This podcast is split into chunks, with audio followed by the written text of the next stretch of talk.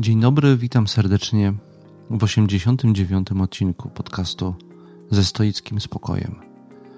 W dzisiejszym odcinku podejmuję temat stoickiej rezygnacji w kontekście doświadczenia pokory i wyrzeczenia.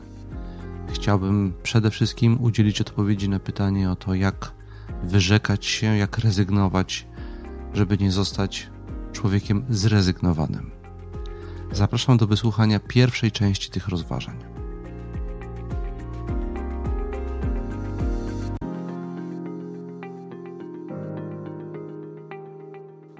Po pierwsze, zacznę dzisiaj od instrukcji słuchania tego i następnego odcinka podcastu. Ta instrukcja składa się z dwóch części. Pierwsza część to prośba o lekturę. Będę analizował w dzisiejszym odcinku jeden z moich ulubionych wykładów Epikteta. Dlatego prosiłbym Was, żebyście przeczytali czwarty rozdział pierwszej księgi Diatryb. To jest krótki mm, wykład, stosunkowo krótki, pod tytułem O czynieniu postępów. I ja mm, w dalszej części dzisiejszego odcinka dwa fragmenty tego wykładu Epikteta poddam bliższej analizie w kontekście naszego głównego tematu dzisiaj, czyli tematu rezygnacji i wyrzeczenia. Widzę, widzę tam pewne rzeczy, które warto bardzo wyraźnie podkreślić właśnie w tym kontekście. Więc dobrze by było, gdybyście słuchacze i słuchaczki przed przystąpieniem do dalszego słuchania zrobili sobie pauzę i e, poczytali. To jest taki pomysł, żeby trochę urozmaicić Wasze doświadczenie słuchania tych odcinków. Mm, zaplanowałem sobie, że tematowi rezygnacji, wyrzeczenia i pokory poświęcę dwa kolejne odcinki, ten i następny. To też z tym wiąże się drugie zadanie, drugi element tej wstępnej instrukcji. Podobnie jak poprzednio, proponuję, żebyście słali mi listy, jeżeli macie jakieś przemyślenia i chcecie się nimi podzielić, związane jakoś z tym doświadczeniem rezygnowania i wyrzekania się. My dzisiaj częściej myślimy o sobie i o świecie w kategoriach chceń i, i potrzeb, od zaspokojenia których uzależniamy swoje poczucie zadowolenia i spełnienia z życia, spełnienia w życiu. Tymczasem stoicyzm pod tym przynajmniej względzie, względem jest w zasadniczej kontrze do współczesności, bo podkreśla rolę rezygnowania, między innymi z różnych potrzeb i pragnień, które nam się wydają jakoś bardzo ważne dla nas. Jeżeli już jakiś czas towarzysząc mi w tych nagraniach moich, eksperyment, jakiś czas eksperyment, eksperymentowaliście już ze stoicyzmem, w tym właśnie z wyrzekaniem się, to na pewno macie w związku z tym jakieś doświadczenia i przemyślenia. Więc po wysłuchaniu tej pierwszej części, jeżeli chcielibyście o jakichś trudnościach w tym obszarze, sukcesach albo spostrzeżeniach opowiedzieć, tak jak jeden ze słuchaczy, którego list dzisiaj odczytam, to zapraszam mm, do przysyłania mi właśnie takich relacji. Tyle jeżeli chodzi o wprowadzającą instrukcję.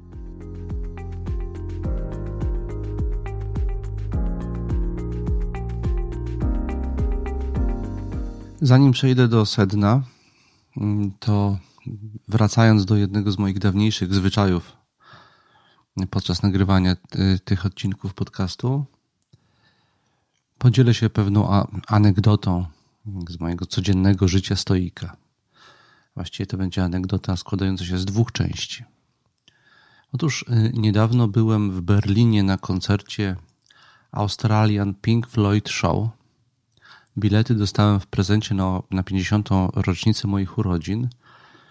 Mm, powodem takiego akurat biletu, oprócz tego, że Zawsze lubiłem muzykę zespołu Pink Floyd.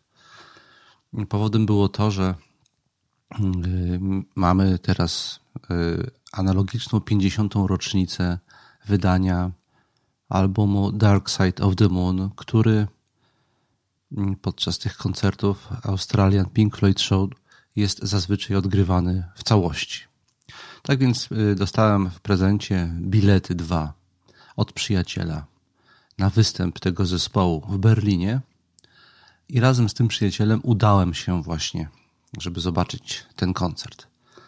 I pierwsza anegdota, jaką się chciałem podzielić, to y, jest y, doświadczenie, jeden, jeden aspekt doświadczenia uczestnictwa w spektaklu. Obu nas, obu nam utkwiło w pamięci, zwróciło jakoś uwagę zachowanie głównego wokalisty zespołu, który podczas koncertu faktycznie zachowywał się dość osobliwie czy oryginalnie. Jak być może większość z Was wie, w muzyce zespołu Pink Floyd są dość długie partie instrumentalne. Wokalista zachowywał się w ten sposób, że kiedy partia instrumentalna była krótka, to stał wyraźnie kilka metrów od mikrofonu w postawie takiej trochę żołnierskiej i tuż przed rozpoczęciem się partii wokalnej robił kilka szybkich kroków do przodu, podchodził do mikrofonu i zaczynał śpiewać. Natomiast kiedy partie instrumentalne były dłuższe, to w ogóle schodził ze sceny. Miał to wszystko tak obliczone, że pojawiał się przed mikrofonem zazwyczaj na dwie sekundy maksymalnie przed rozpoczęciem partii wokalnej. Tym, z czym się chciałem podzielić z wami, to jest to, że ja i mój przyjaciel oglądaliśmy to samo i odebraliśmy zupełnie inaczej to jego zachowanie. To mi się wydało osobliwe po naszej stronie. Otóż on, a dodam, że ten wokalista jeszcze był bardzo mało ekspresyjny mm, podczas e, występu. Bardzo oszczędny w gestykulacji. Po prostu podchodził i śpiewał i odchodził. No więc mojemu przyjacielowi się to nie spodobało uznał, że jest to jakoś przejaw braku zaangażowania i zdystansowania, tak jakby był nieobecny na scenie. Podczas, I to, to mi powiedział po koncercie.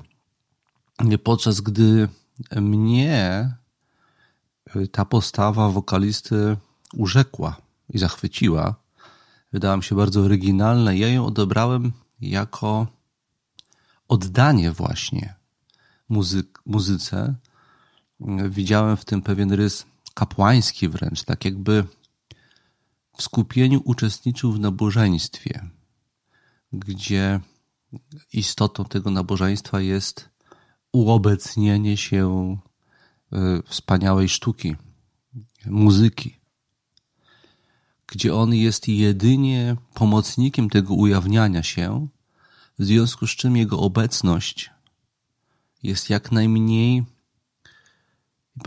w związku z tym jego obecność powinna być minimalna. Nie powinien być więcej niż to jest niezbędne do tego, żeby pojawiła się muzyka, pojawiło się dzieło. Ja to odebrałem w związku z tym, jego postawę odebrałem jako trochę religijną. I potem trochę o tym rozmawialiśmy. Ciężko jest ustalić, jaka jest prawda, bo to jest w naszych głowach. Ja specjalnie nawet nie sprawdzałem tego, to znaczy nie czytałem więcej o, o, o zespole, który od, odtwarza muzykę Pink Floyd od ponad 30 lat w różnych miejscach świata. Jakie jest ich nastawienie i czy faktycznie jest to raczej rzemiosło, robienie swojego. Dodam, że koncert był zrobiony na poziomie technicznym świetnie. Czy to jest właśnie rodzaj oddawania czci i hołdu? I to się może w ten sposób wyrażać. Nie sprawdzałem tego, nie chciałem tego wiedzieć. Zadowolony byłem tym, co widziałem i jak to odebrałem.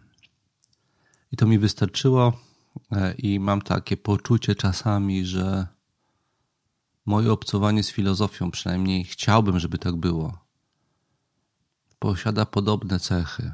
Czasami czytam dla przyjemności, czasami mówię o stoicyzmie, o filozofii dla przyjemności ale czasami mam, do, mam poczucie, y, kontaktu z czymś większym, co antyczni stoicy wyrażali za pomocą logosu. I co ja jedynie staram się skromnie i staram się z pokorą reprezentować, ujawniać e, i trochę przy tym wszystkim stać z boku. Czasem mam takie doświadczenie, kiedy obcuję z filozofią, że to jest wielkie błogosławieństwo móc doświadczać tego olbrzymiego bogactwa, wobec którego powinniśmy zachować postawę pewnej czci i pokory. Taką miałem refleksję w związku z tym doświadczeniem i to jest pierwsza część e, tej mojej anegdoty związanej z, z wyprawą do Berlina na koncert The Australian Pink Floyd Show.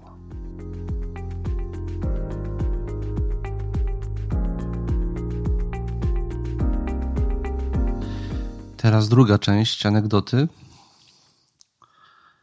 W drodze powrotnej z Berlina pociągiem, drodze, która trwała kilka godzin, razem z moim przyjacielem umijaliśmy sobie czas e, różnymi pogawędkami, trochę czytaliśmy też, trochę ja słuchałem muzyki.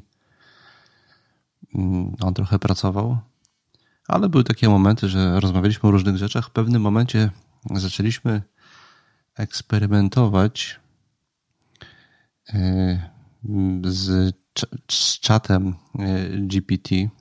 Dla niewtajemniczonych powiem, że to jest moduł sztucznej inteligencji z którym można konwersować i o różne rzeczy go prosić. Mm, mój przyjaciel ma wykupiony dostęp do bardziej zaawansowanej wersji tego czatu. No i zaczęliśmy eksperymentować, zadając mu różne pytania, i w pewnym momencie mm, przyjaciel zadał mu, polecił mu zrealizowanie pewnego e, żartobliwego, filozoficznego zadania. Poprosił go o ułożenie żartu filozoficznego o strukturze zaczynający się od wchodzi do baru stoik, cynik i platonik. No i zadaniem czatu było ułożenie zabawnego żartu o tej strukturze, o tak skonstruowanym zadaniu. E, czatowi zajęło to 5 minut. Przepraszam, 5 sekund. E, po 5 sekundach dostaliśmy żart. Ja go teraz, ja go teraz wygłoszę z pamięci. Mm, otóż to idzie tak. Wchodzi do baru stoik, platonik i cynik. Stoik mówi: Poproszę o szklankę wody. Platonik mówi: Poproszę o najbardziej idealne wino, jakie macie. Natomiast cynik mówi: Poproszę o wino, które nie jest droższe od moich butów. Koniec żartu. Usłyszawszy ten żart, popatrzyliśmy po sobie i uznaliśmy, że no, z pewną satysfakcją uznaliśmy, że ta inteligencja sztuczna jeszcze musi trochę popracować nad poczuciem humoru, że jeszcze tutaj nie dostaje do mm, poziomu mm, człowieka. No i tym pocieszeni zajęliśmy się innymi rzeczami. I ta historia miała dalszy, dalszy, swoją kontynuację, dalszy ciąg. Następnego dnia rano, kiedy kolejką podmiejską jechałem do pracy, jakoś z jakiegoś powodu przypomniałem sobie ten żart i go zrozumiałem na drugi dzień. Otóż ten żart ma drugie dno, on jest wyrafinowany. I wtedy się zacząłem śmiać. Istotą tego żartu jest, że jak być może niektórzy z Was zaczęli się już domyślać, że stoicy, przepraszam, nie stoicy, tylko cynicy nie nosili butów. Pamiętacie Diogenesa z Synopy, który wyrzekł się wszystkiego poza kubkiem i beczką i hitonem, w który się ubierał, bo uznał, że człowiek niczego więcej do przeżycia nie potrzebuje, więc wszystkich pozostałych rzeczy się pozbył. To taki minimalizm i wyrzeczenie jest istotą cynizmu. Stąd ten żart był naprawdę zabawny. Proszę o wino, które nie jest droższe od moich butów. Ale przecież on nie ma butów. I, i Ja się zacząłem śmiać z tego dopiero na drugi dzień. Zadzwoniłem do mojego przyjaciela, powiedział mu, powiedziałem mu o tym, to też zrobiło na nim wrażenie. I obu nas zaniepokoiło, że 5 sekund zajęło czatowi sztucznej inteligencji wymyślenie żartu, który ja rozkminiałem całą dobę. Oczywiście powód tego, że tyle czasu mi to zajęło, mm, było to, że ja założyłem, że sztuczna inteligencja nie może opowiedzieć dobrego żartu. To było moje założenie. Z tego powodu nie szukałem drugiego dna. Może gdybym szukał drugiego dna, to bym go znalazł od razu. Mm, więc trochę to była kwestia stereotypów, ale też mm, kwestia niebywale wyrafinowanego poczucia humoru, sztucznej inteligencji. W związku z tym pomyślałem sobie, bo e, tego samego dnia, w którym ten żart sobie przypomniałem i się zaśmiałem z niego, miałem wystąpienie na konferencji zorganizowanej przez Instytut, Instytut Humanites e, na temat spójnego przywództwa człowiek i technologia. I tam miałem wystąpienie krótkie na temat stoicyzmu, na ile stoicyzm jest potrzebny dzisiaj w leadershipie. No i jej, ja tam zająłem stanowisko takie, że on nie jest potrzebny, jest właściwie pewnego rodzaju koniecznością. Z tyloma rzeczami się mierzymy, że pewny, pewien dystans stoicki jest niezbędny po prostu z tym, w, w tym, żeby normalnie funkcjonować i zarządzać różnymi procesami w dzisiejszym świecie. Mm, ale jadąc na tą konferencję, potem się zastanowiłem trochę nad tym doświadczeniem mojej konwersacji z czatem e, e, GPT. I pomyślałem, że może za rok, jak będzie analogiczna konferencja organizowana, nie będę już potrzebny ani nikt taki jak ja, tylko poproszony zostanie czat o wygłoszenie odczytu. Dlaczego to nie miałoby tak wyglądać? E, a może też wkrótce pojawią się podcasty nagrywane przez czat sztucznej inteligencji. I podcasterzy tacy jak ja nie będą tak bardzo potrzebni, albo będą mieli konkurencję, z którą trudno jest konkurować. Mm, y, bardzo prawdopodobne moim zdaniem, że jest to przełom, y, którego jeszcze nie wszyscy rozumiemy. Jego znaczenia, trochę tak jak skokiem technologicznym były ekrany dotykowe i one naprawdę dużo zmieniły w codziennym funkcjonowaniu większości ludzi. Zmieniło oblicze społeczeństwa w bardzo dużym stopniu, które dopiero teraz powoli zaczynamy rozumieć. Sądzę, że analogicznym przełomem, a może nawet większym, jest pojawienie się tych czatów sztucznej inteligencji, która będzie wykonywała bardzo wiele zawodów za nas. Już teraz znam osoby, które wykorzystują na co dzień e, e, ten czat w pracy co im bardzo skróca, skraca normalne zadania. Znam jednego dyrektora szkoły, który jak pisze listy do rodziców e, z jakąś skomplikowaną sprawą, którą dawniej musiał starannie się bardzo namyślać, żeby odpowiednio sformułować, nikogo nie urazić, ale wyraźnie postawić granice i, i powiedzieć o co chodzi. I to załóżmy zajmowało pół godziny, żeby, żeby skomponować taki list. On teraz prosi o to czat LGBT, tylko mu dobrze formułuje cele. I na tej podstawie ten czat w kilka sekund pisze taki list, co mu oszczędza temu dyrektorowi pół godziny pracy. I to jest świat, w który, w który wchodzimy teraz. On się zaczyna. Taką mam refleksję. Nie wiem, czy to dobrze, czy źle. Jak to z technologią? Trochę dobrze, trochę źle.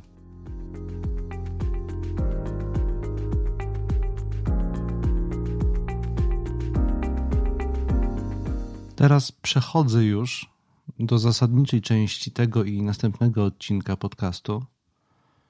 Tą częścią jest temat wyrzeczenia, rezygnacji i powiązany z nimi temat pokory.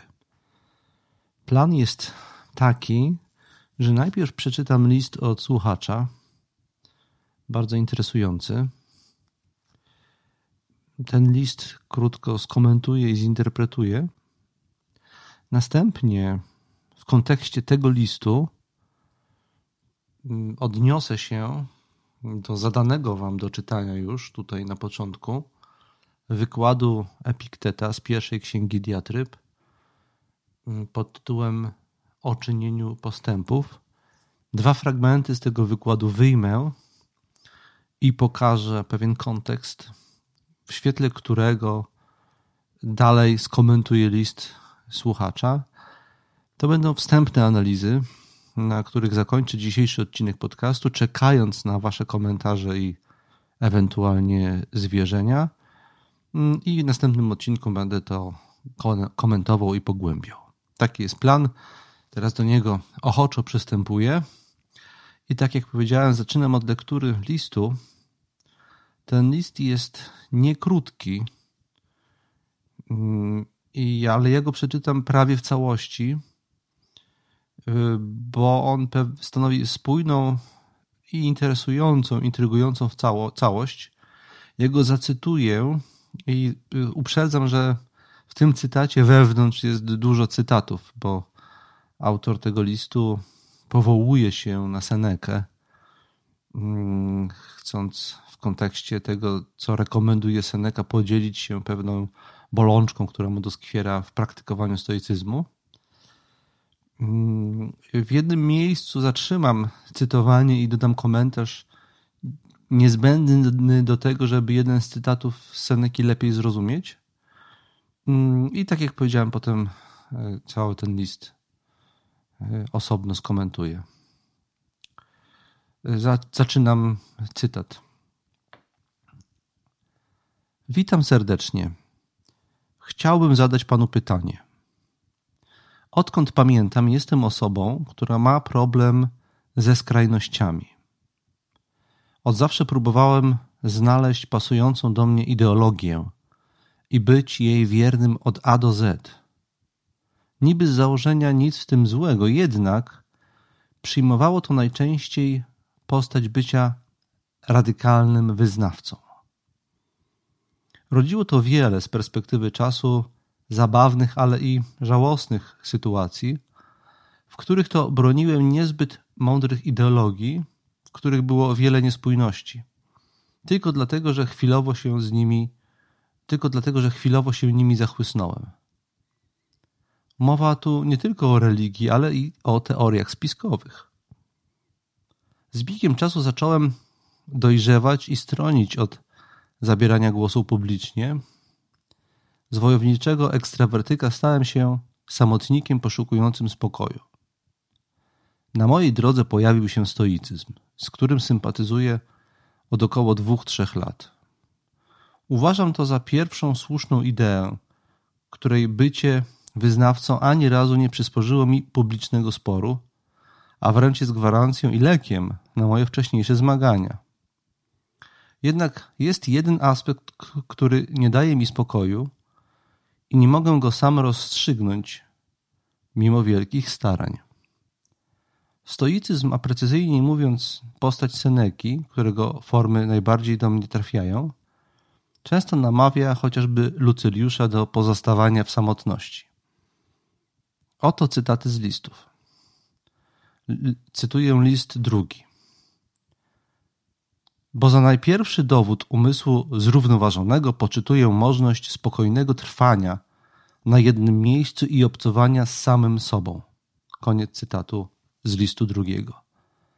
A teraz list, y, a teraz cytat z listu siódmego. Obcowanie z tłumem jest więc szkodliwe. Każdy albo przykładem swym uczy nas jakoweś wady, albo wraża ją w nas słowy, albo wszczepia zgoła bez naszej wiedzy. Koniec cytatu. Kolejny cytat z listu siódmego. O tym, że powracam skąpszy, próżniejszy, rozwiązłejszy, ba, nawet okrutniejszy i bardziej nieludzki, ponieważ przebywałem między ludźmi. Koniec drugiego cytatu z listu siódmego. Następny cytat z listu siódmego. Wejdź raczej w siebie samego tak głęboko, jak to możliwe. Koniec cytatu. I ostatni cytat z listu siódmego. Wystarczy mi niewielu. Wystarczy jeden. Wystarczy nawet żaden. A teraz jeden cytat z listu dziewiątego. Cytuję. Wspólne jest natomiast nam i, i mi i im to, że mędrzec zadowala się sam sobą. Koniec cytatu. Teraz ja, Tomasz Mazur, dodaję do tego cytatu, że tam jest nawiązanie do Epikurejczyków, bo u Epikurejczyków podobnie jest, że mędrzec umie się zadowolić, zadowolić sam sobą. A teraz list dziesiąty, z niego mm, troszeczkę dłuższy fragment i to już będzie ostatni cytat. I, jego, I ten cytat też ja, Tomasz Mazur, krótko skomentuję. Tak jest. Nie zmieniam poglądu. Unikaj wielkich gromad ludzkich. Unikaj małych grupek. Unikaj nawet jednego człowieka. Nie znam nikogo, z kim pozwoliłbym ci utrzymywać bliższe stosunki. W dalszej części listu dziesiątego Saneka przywołuje słowa kreatesa kierowane do młodzieńca. I tutaj ja, Tomasz Mazur, dodaję, żeby lepiej zrozumieć kontekst, był to młodzieniec, który przebywał w odosobnieniu sam ze sobą, ze swoimi myślami. I ten kreates, tutaj już cytuję bezpośrednio z listu, polecił mu rzecz następującą. Strzeż się, powiada, proszę cię i pilnie uważaj. Ze złym człowiekiem prowadzisz rozmowę. Kogoś zasmuconego i bojącego się pilnujemy zazwyczaj, by źle nie spożytkował samotności. Otóż nie należy zostawiać sobie samemu żadnego człowieka nieroztropnego. Wtedy tacy knują niegodziwe zamysły, wtedy gotują dla siebie lub dla innych przyszłe niebezpieczeństwa. Wtedy zaspokajają swe występne żądze. Wtedy duch ich wyjawia wszystko, co ze strachu albo ze wstydu ukrywał. Wtedy zaostrza swe zuchwalstwo, pobudza chuć, podżega swą gniewliwość. To jest koniec cyt ostatniego cytatu Seneki i dalej jeszcze komentarz e, słuchacza do tych mm, przytoczonych fragmentów. Sugestie Seneki o wycofaniu się z uczestniczenia w zgromadzeniach i pozostawanie w samotności wydały mi się wskazaniami idealnymi w mojej sytuacji. Gwarantowały mi spokój i to, że przestałem kogokolwiek potrzebować. Jednocześnie nie przejmowałem się dzięki temu niczyją opinią i stałem się bardziej sprawczy, nie bacząc na to, że zostanę negatywnie oceniony. Nadmienię, że nie prowadzę żadnej niegodziwej działalności, a jestem jedynie artystą i to w dodatkiem scenicznym i po prostu muszę wystawiać się na opinię odbiorców, co było dla mnie źródłem wielkiego stresu. Dodatkowo wygodne stało się dla mnie akceptowanie samotności, bo nie bałem się rozstań, kłótni i kompromisów, bo zwyczajnie musiałem zawierać je tylko ze sobą. Jednak czytając słowa Kratesa doszło do mnie, że ja jestem tym nieroztropnym młodzieńcem, a przez samotność wyszły moje stare demony. Zacząłem bowiem ludzi znajdujących uciechę w, przesiadywaniu w barach, opowiadających sobie dowcipy, uczęszczających na imprezy masowe, patrzeć z góry. Zacząłem tracić kontakty, gardzić przyjaciółmi, których zwyczaje, zwyczajnie, którzy zwyczajnie chcieli gdzieś wyjść i wspólnie pośmiać się w miłym towarzystwie. Postrzegając wszystko poza samotnością jako akt gwałcący moją stoicką spójność, która prowadzi w moje życie, która wprowadzi w moje życie znowu chaos, dezorientację i cierpienie. Przestałem kłócić się z kimkolwiek. Jestem oczywiście miły, kulturalny i gdy coś mnie, nie, mi nie pasuje w towarzystwie, to mówię, źle się czuję, muszę już iść i uśmiecham się serdecznie na pożegnanie. W środku czując tak naprawdę pogardę i wstręt. Nie wiem, jak zachować zdrowy balans. Próbuję to robić, ale jak do tej pory nieudolnie. Proszę o stoicką poradę. Koniec listu słuchacza. Bardzo dziękuję. No, prosił o, o zachowanie anonimowości, dlatego nie podam jego imienia. Mm, bardzo dziękuję za uważne przytoczenie, między innymi za to, za uważne przytoczenie licznych fragmentów Seneki, które będą dla mnie też punktem odniesienia, żeby zinterpretować tą sytuację.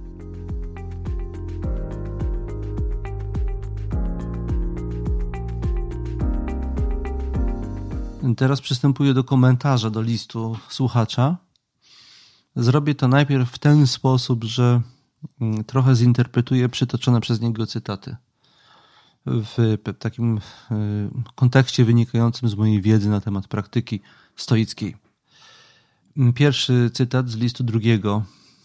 Bo za najpierwszy dowód umysłu zrównoważonego poczytuję możliwość spokojnego trwania na jednym miejscu i obcowania z samym sobą. Koniec cytatu. Mm, w moim ujęciu ten cytat odnosi się nie do teorii wartości stoickiej, to znaczy zbioru reguł mówiących nam, co wybierać w życiu, ale do podstawy codziennej praktyki stoickiej, czyli do treningu, który ja dzisiaj określam mianem treningiem refleksyjności. Częścią podstawową tego treningu jest obcowanie ze sobą w trybie wewnętrznego, zdystansowanego obserwatora. Chodzi w tym treningu o to, żeby, tak jak tutaj czasami przedstawiam w podcaście, podzielić się na siebie, który obserwuje i siebie, który jest obserwowany. A na tym polega obcowanie z samym sobą. To jest relacja wewnętrzna. I stoik zazwyczaj jest w tym trybie podczas porannego przeglądu siebie, wieczornego przeglądu siebie oraz za każdym razem, kiedy w ciągu dnia znajdzie się w sytuacji wymagającej wejście w ten tryb. I Seneca mówi tutaj, że osoba, która zdolna jest do tego, tylko taka jest zrównoważona. I o to mu chodzi. Nie jest to postulat do tego, żeby cały czas być w tym trybie, bo się nie da. Chodzi o to, żeby to był stały element naszego treningu, żebyśmy umieli to, robić, żebyśmy mieli tą kompetencję. Chodzi więc o tutaj trening pewnej kompetencji. kompetencji. List siódmy, przechodzę teraz do listu siódmego i tam trzy cytaty z, z niego wybiorę i zinterpretuję. Pierwszy cytat. Obcowanie z tłumem jest więc szkodliwe. Każdy albo przykładem swym uczy nas jakoweś wady, albo wraża ją w nas słowy, albo wszczepia zgoła bez naszej wiedzy. Seneca mm, przestrzega tutaj Luceliusza przed zagrożeniem. Powinniśmy pamiętać o jednym, czytając takie teksty, takie zabytki piśmiennicze e, z antycznego Rzymu, że są to teksty mocno kontekstualne. Seneca odpowiada na listy Lucyliusza. My nie wiemy, co Lucyliusz do niego pisał i w jakim życiowym położeniu się znajdował dokładnie. Możemy tego jedynie domniemywać. Mm, Seneca, wiedząc, jaka jest kondycja duchowa Lucyliusza tu i teraz, przestrzega go przed zagrożeniami, e, na jakie się wystawia, przebywając w pewnym otoczeniu. Natomiast z punktu widzenia stoickiej teorii wartości przypominam tutaj, obcowanie z ludźmi, e, bez względu na to, jak duża to jest grupa, jest, e, należy do kategorii rzeczy od nas niezależnych, zewnętrznych. A więc nie jest to ani dobre, ani złe. Jest obojętne. Może być tylko godne wyboru albo niegodne wyboru. I to jest niegodne wyboru wtedy, kiedy wiemy, że to może wpłynąć na naszą kondycję duchową negatywnie, kiedy na tyle siebie znamy. Celem pracy nad sobą jest wytrenowanie tej kondycji na tyle, żeby takie rzeczy nam nie szkodziły. I wtedy, kiedy nam nie szkodzą, żebyśmy jednak z ludźmi przybywali, albowiem człowiek jest istotą relacyjną. I przypomnę kolejną rzecz. Większość stoików to byli, to byli ludzie mocno zaangażowani społecznie, wchodzący w liczne relacje. Sam Seneca, na którym tutaj się opiera słuchacz, był senatorem, był biznesmenem, był człowiekiem o wielu relacjach i cały czas żyjący pomiędzy ludźmi. Świadom zagrożeń ćwiczył się na co dzień po stoicku, w tym, żeby im nie ulegać, ale zawsze wracał pomiędzy ludźmi, pomiędzy ludzi, albowiem taka jest kondycja człowieka, że ma taką tendencję w sobie, taką skłonność, skłonność relacyjną albo potrzebę relacyjną.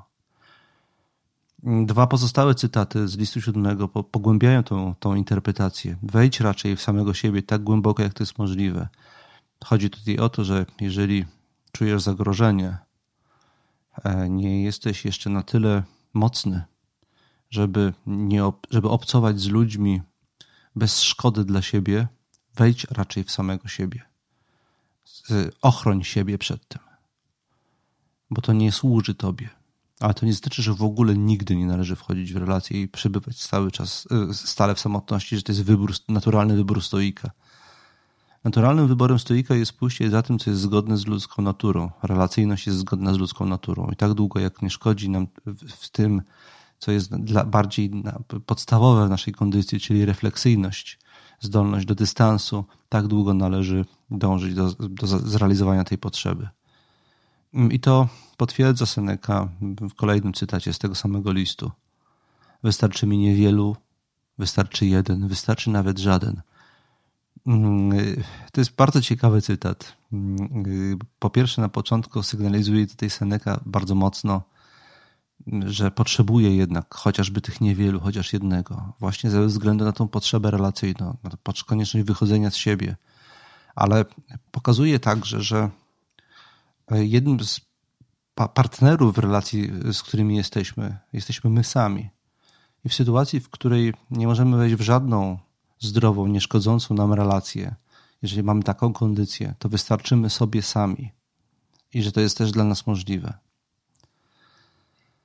Mm, teraz chciałem y, jeszcze do, do końca się odwołać tego, tych, tych cytatów, do ostatnich cytatów z listu mm, słuchacza, tam gdzie przywołuje Kratesa, e, przywołuje jego słowa kierowane do młodzieńca. Strzeż się, powiada, proszę cię, i pilnie uważaj. Ze złym człowiekiem prowadzisz rozmowę. Koniec cytatu. Chodzi w nim o to, że ten młody człowiek przebywał sam ze sobą i być może, że przebywał właśnie ze złą, złą osobą. A więc, o ile Seneca z jednej strony zachęca do samotności, o tyle z drugiej strony mówi, że dla niektórych ludzi nawet samotność nie jest wskazana. No i to może być trudne do interpretacji, jaki jest nasz przypadek. Mm, I to prawda. Mm, czasami, kiedy przebywamy sami, to możemy się właśnie ze sobą, w sobie pogubić, albowiem jak sam słuchacz potem to skomentował, odzywają się nasze demony, nawyki i wcale nie jest tam lepiej, kiedy przebywamy ze sobą i natychmiast zaczynamy od siebie uciekać ku innym i to jest takie błędne koło, bo ci inni wcale niekoniecznie nam pomagają. Odpowiedź na to stoicka tradycyjna jest taka, żeby znaleźć sobie jakiegoś rodzaju autorytet duchowy, osobę bliską, której ufamy, przyjaciela. Taka, która by nas w tej naszej samotności wspierała, która by mm, pomagała nam w pracy nad sobą, pracy, która pomaga nam pra w pracy, która pozwala nam się wzmocnić, a nie osłabić.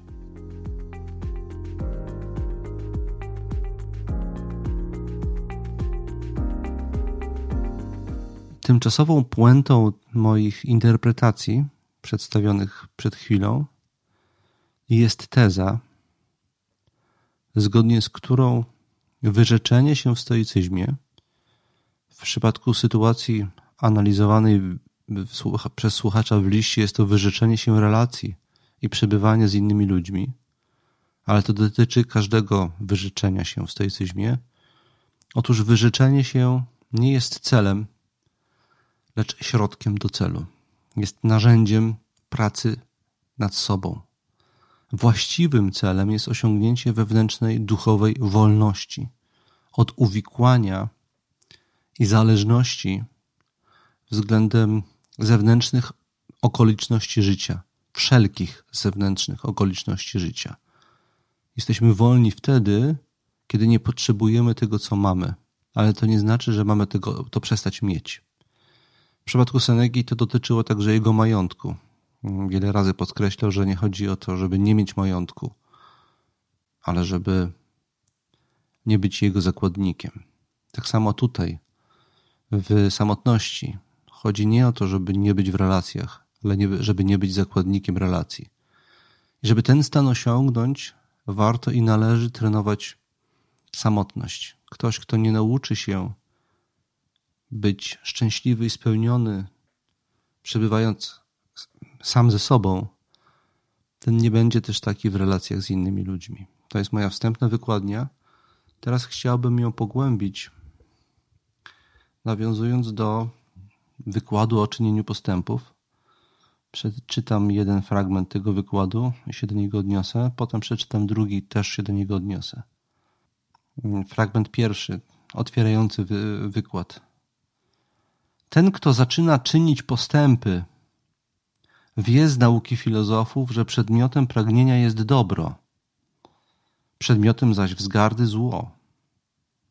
Wie dalej, że w żaden inny sposób nikt nie osiąga pomyślności i niezmąconego pokoju, jak tylko kiedy w dążeniu do celu nie dozna niepowodzenia.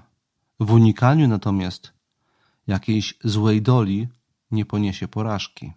A przeto wypiera z siebie ze wszelkie pragnienie i odracza je na czas późniejszy. Wzgardę zaś ogranicza jedynie do tego, co jest zależne od jego woli. Koniec cytatu. Mm, dwa kluczowe momenty są w tym cytacie. Po pierwsze, podkreślenie, że przedmiotem pragnienia jest dobro, przedmiotem wzgardy zło, a wiemy, że dobro i zło to są stany wewnętrzne, a nie zewnętrzne. Ale żeby się tego nauczyć, trzeba się odciąć od tego, co jest zewnętrzne i dostrzec to, co wewnętrzne. Drugi kluczowy element tego cytatu, często pomijany przez czytelników, mm, to jest pewien warunkowy stosunek do pragnienia. Pod koniec tego cytatu, przeczytam ten fragment jeszcze raz. A przeto wypiera z siebie ze szczętem wszelkie pragnienie i odracza je na czas późniejszy. Niezwykle zagadkowe jest to sformułowanie. Wyplenia z siebie ze szczętem i odracza na czas późniejszy. To znaczy, że co? Że potem ma znowu mieć to pragnienie? Tak by wyglądało z logiki tego wywodu. Moim zdaniem jest to motyw charakterystyczny dla Epikteta. Znajduję go też u innych stoików. Jest to fragment adresowany do początkujących, którzy właśnie w obcowaniu z dobrami zewnętrznymi nie umieją jeszcze nie wejść w zależność względem nich. Dlatego zanim nauczą się niezależności, powinni przestać z nimi obcować. Czyli wyplenić pragnienie tych rzeczy. W przypadku relacji z innymi ludźmi, na przykład pragnienie uznania. Dlatego y, relacje sprawiają nam trudności, między innymi dlatego, że pragniemy uznania i bojąc się, że go nie, dostanie, nie, nie, nie, nie uzyskamy, zaczynamy cierpieć nęka nas wtedy lęk. I dopóki nie nauczymy się z tym radzić sobie, to osamotnienie, jakaś pogłębiona praca nad osamotnieniem jest jednym e, z, z, z dobrych narzędzi pracy nad tym. Ale kiedy już się wzmocnimy i poczujemy tą wewnętrzną, duchową niezależność, to, że w każdej sytuacji potrafimy pozostać w zgodzie ze sobą.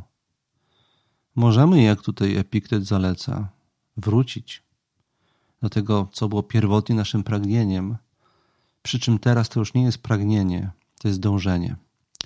Tego słowa nie użył tutaj Epiktet w tym cytacie, ale w innych miejscach takich określeń używa. W miejsce pragnień mamy dążenia w miejsce pragnienia uznania relacji, przepraszam, w miejsce pragnienia uznania ze strony drugiej osoby w relacji, mamy dążenie do dobrej jakości tej relacji, gdzie nasza duchowa satysfakcja i spełnienie bierze się z samego tego dążenia, a nie z jego rezultatu. To jest cel praktyki stoickiej. Ale potrzebujemy paradoksalnie tych relacji właśnie po to, żeby to dążenie ten sposób realizować. Dlatego stoicy zawsze tam, gdzie mogą i o ile mogą, wychodzą ze samotności i wychodzą ku innym. Żeby to hmm, potwierdzić jeszcze w pewien sposób, a jeszcze dodam, że to dotyczy każdego, każdego rodzaju wyrzeczenia w stoicyzmie. Czyli wyrzeczenie nie jest rezygnacją przy pewnym znaczeniu tego słowa. Wyrzekamy się po to, żeby odzyskać siebie ale nie po to, żeby wyjść z, wszel z, wszystkich, z wszelkich relacji z ludźmi i z rzeczami. Mm, I drugi fragment, który obiecałem, że przytoczę teraz, mm, zaczyna się od pytania. Cytuję. Kto zatem czyni postępy? Ten z was, kto machnąwszy z pogardą ręk ręką na rzeczy zewnętrzne, wszelkim staraniem otacza swą wolną wolę tak ją zaprawia, tak ją hartuje i w rezultacie doprowadza ją do stanu takiej doskonałości, iż jest ona zgodna z naturą, prawdziwie wzniosła, wolna. Tutaj zatrzymam się w cytacie. To jest właściwy cel stoika. i wszelkiego wyrzeczenia. Każde wyrzeczenie, także to wyrzeczenie, które przyjmuje postać samotności, służy osiągnięciu wewnętrznej wolności. O tym mówiłem. Kontynuuję cytowanie tego fragmentu. Ten dalej czyni postępy, kto doszedł do zrozumienia, że człowiek, który pożąda albo unika rzeczy niezależnych od niego, nie może być wiernym, ni wolnym, lecz z konieczności igraszką staje się ich bezustannej zmienności i przemijania. I z konieczności grzbiet zgina przed innymi. Taka jest stawka tej pracy nad sobą w stoicyzmie, żeby przestać być niewolnikiem. I my musimy to dobrze zrozumieć, że funkcjonujemy w kategoriach albo albo. Albo jesteśmy zależni od siebie, albo od okoliczności zewnętrznych. I wyrzekanie się jest treningiem odzyskania kontroli. I ostatni fragment tego cytatu, i będę już zmierzał do takiej puenty. Ten wreszcie, wreszcie czyni postępy, kto od świtu do nocy powyższych przykazań strzeże i dochowuje, który w kąpieli, który przez przymisce sprawuje się jak człowiek skromny, jak człowiek czcigodny, który przy każdej nadarzającej się sposobności mozolnie się stara, by czynić to, co jest wartościowsze i lepsze. Przy misce, przy strawie, przy innych, e, przepraszam, nie powiedziałem, że skończyłem cytować, więc teraz y, skończyłem cytować i, i kontynuuję. Przy misce, przy strawie, w obliczu innych ludzi starać się wybierać to, co jest wartościowsze. Wartościowsze jest obcować z innymi niż z nimi nie obcować. To jest rzecz godna wyboru, więc to wybieramy, jeżeli, jeżeli jesteśmy już silni i umiemy pozostać w zgodzie ze sobą. I tylko dopóty, dopóki to umiemy. Mm, wracając jeszcze do listu słuchacza i do jego prośby tam sformułowanej, skąd się bierze, dotyczącej tej wzgardy, skąd ona się bierze. Ja nie jestem pewien, każdy z nas jest inny i te uczucia i pragnienia, lęki, wszelkie emocje u każdego z nas mogą się brać z innych rzeczy, z innych doświadczeń. Wydaje, nie jestem też psychologiem i nie potrafię tego dobrze zanalizować. Być może jest to pytanie bardziej właśnie do psychologa niż do filozofa. I czasami takie, warto, takie rzeczy warto skonsultować szerzej. Intuicja moja jest taka, że pogarda i wstręt y, to są stany mówiące coś o mnie, a nie o mojej relacji z innymi wyłącznie. One mówią o zależności. O tym, że jesteśmy od innych osób zależni i pogarda mm, jest tego przejawem. Tak na przykład analizował Hegel relację pan-niewolnik. Pan potrzebuje niewolnika, bo dzięki temu, że, że czuje się od niego lepszy, czuje, że jest lepszy. I to jest jedna z postaci budowania własnej, własnego poczucia wartości, czuć się lepszym od innych, ale w ten sposób jesteśmy zakładnikami innych. I przez to, że jesteśmy ich zakładnikami, to nasza relacja z nimi jest podszyta lękiem i nienawiścią. Mm, więc to jest przesłanka do tego, żeby dalej pracować nad tym, aby swoje poczucie wartości czerpać z siebie, z pracy nad sobą, a nie z innych. Taka byłaby moja intuicja, ale tak jak powiedziałem, być może ta sytuacja wymaga szerszej konsultacji, na przykład z jakimś psychologiem.